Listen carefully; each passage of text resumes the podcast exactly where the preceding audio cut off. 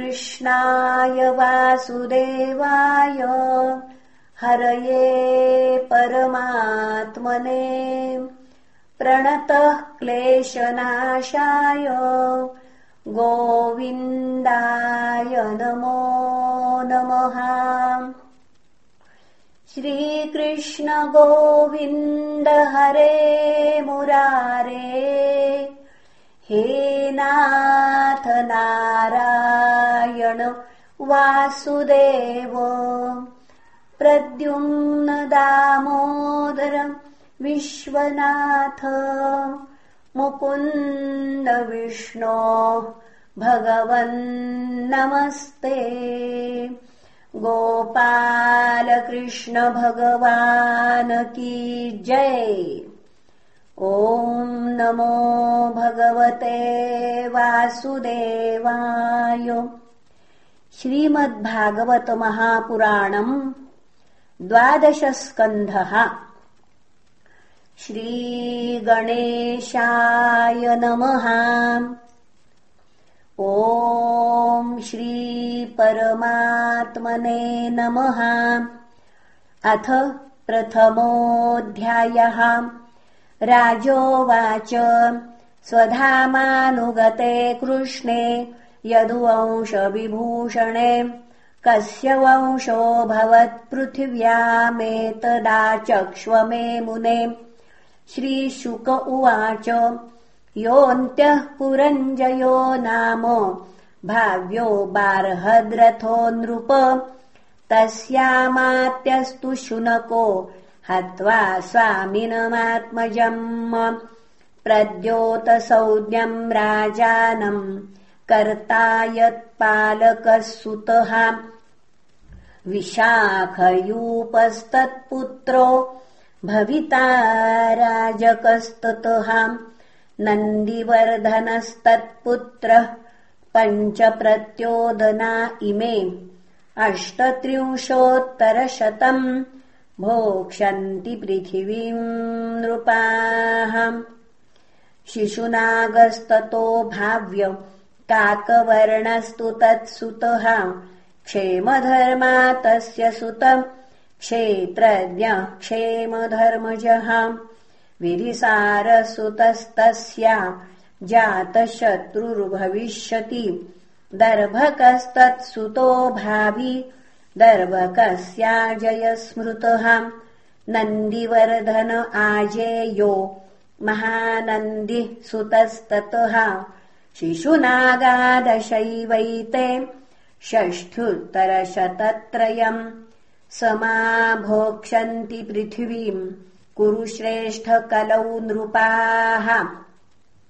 महानन्दिसुतो राजन् शूद्रीगर्भो भवो बलिम्। महापद्मपतिः कश्चिन्नन्दः क्षत्रविनाशकृत ततो नृपा भविष्यन्ति शूद्रप्राया स्वधार्मिकाः स एकछत्राम् पृथिवीमनुलङ्घितशासनः। शासिष्यति महापद्मो द्वितीय इव भार्गवः। तस्य चाष्टौ भविष्यन्ति सुमाल्यप्रमुखाः सुताः। य इमाम् भोक्ष्यन्ति महिम् राजानः स्म। शतम् समाः नवनन्दान्विजः कश्चित् प्रपन्नानुद्धरिष्यति। तेषामभाषे पुनः तेषामभावे जगतिम् मौर्या भोक्ष्यन्ति वै कलौ। स एव चन्द्रगुप्तम् वै द्विजो राज्येऽभिषेक्षति तत्सुतो वारिसारस्तु। ततश्चाशोकवर्धनः सुयशा भवितास्तस्य सङ्गतः सुयशः सुतः शालिशूकस्ततस्तस्य सोमशर्मा भविष्यति। शतधन्वा ततस्तस्य भविता तद्बृहद्रथः। मौर्या ह्येते दश नृपाः सप्तत्रिंशच्छतोत्तरम् समाभोक्ष्यन्ति पृथिवीम् कलौ कुरुकुलोद्वह हत्वा बृहद्रथम् मौर्यम् तस्य सेनापतिः कलौ पुष्यमित्रस्तु शुङ्गाह् स्वयम् राज्यम् करिष्यति। अग्निमित्रस्ततस्तस्मात् सुज्येष्ठोत भविष्यति वसुमित्रो भद्रकश्च पुलिन्दो भविता ततः। ततो घोषसुतस्तस्माद् वज्रमित्रो भविष्यति। ततो भागवतस्तस्मात् देवभूतिरिति श्रुतः। शुङ्गादशैते भोक्षन्ति। भूमिम् वर्षशताधिकम् ततः कण्वानियम् भूमिर्यात्यल्प गुणान्नृप। शुङ्गम् हत्वा देवभूतिम् कण्वो मात्यस्तु कामिनम्। स्वयम् करिष्यते राज्यम् वसुदेवो महामतिः। तस्य पुत्रस्तु भूमिस्तत्रस्य नारायणः सुतः।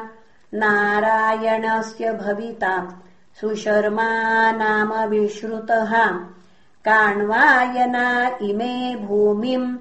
चत्वारिंशश्च पञ्च च शतानि त्रीणि भोक्षन्ति। वर्षाणाम् च कलौ युगे। हत्वा काण्वम् सुशर्माणम्। तद्भृत्यो वृषलो बलि। गाम् भोक्षन्ध्रजातीयो कञ्चित् कालमसत्तमः। कृष्णनामाथ तद्भ्राता भविता पृथिवीपतिः। श्रीशान्तकर्णस्तत्पुत्र पौर्णमा सस्तु तत्सुतः। लम्बोदरस्तु तत्पुत्रस्तस्माच्चिबिलको नृपः मेघस्वातिश्चिबिलः कादटमानस्तु तस्य च। अनिष्टकर्माहालेय स्थलकस्तस्य चात्मजः। पुरीशभीरुस्तत्पुत्रस्ततो राजा सुनन्दनः।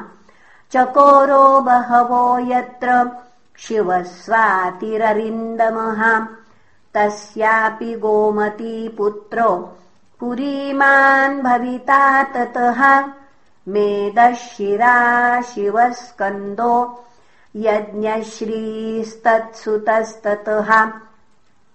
विजयस्तत्सुतो भाव्यश्चन्द्रविज्ञः सलोमधिः एते त्रिंशन्नृपतयश्चत्वार्यब्दशतानि च षट्पञ्चाशच्च पृथिवीम् भोक्षन्ति कुरुनन्दन सप्ताभीरा आवभृत्या दशगर्दभिनो नृपाः। कङ्का षोडश भूपाला भविष्यन्त्यतिलोलुपाः। ततौष्टौ यवना भाव्याश्चतुर्दश तुरुष्ककाः। भूय दश गुरुण्डाश्च तु। एते भोक्षन्ति पृथिवीम् दशवर्षशतानि च। नवाधिकाञ्च नवतिम्। मौना एकादशक्षितिम्। भोक्ष्यन्त्यब्जशतान्यङ्गत्रीणि तैः संस्थिते ततः। किल किलायाम् नृपतयो भूतनन्दोऽथवङ्गिरिः शिशुनन्दिश्च तद्भ्राताम् यशो नन्दिः प्रवीरकः इत्यैते वै वर्षशतम् भविष्यन्त्यधिकानि षट् तेषाम् त्रयोदशसुताम् भवितारश्च बाल्लिकाः पुष्यमित्रोऽथ राजन्यो दुर्मित्रोऽस्य तथैव च एककाला इमे भूपा सप्तान्ध्रा सप्तकोसलाः। विदूरपतयो भाव्या निषधास्तत एव हि। मागधानाम् तु भविताम् विश्वस्फूर्जिः पुरञ्जयहाम् करिष्यत्यपरो वर्णान् पुलिन्दयद्रुमद्रकानम्। पुनः करिष्यत्यपरो वर्णान् पुलिन्दयदुमद्रकान् प्रजाश्चा ब्रह्मभूयिष्ठा स्थापयिष्यति दुर्मतिः।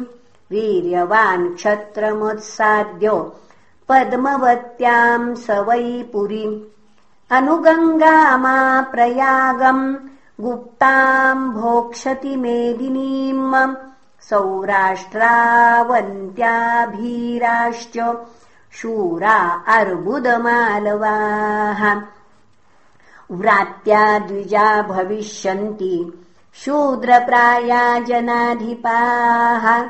सिन्धोस्तटचन्द्रभागाम् कौन्तीम् काश्मीरमण्डलाम् भोक्षन्ति शूद्रा व्रात्याद्या म्लेच्छाश्चा ब्रह्मवर्चसः।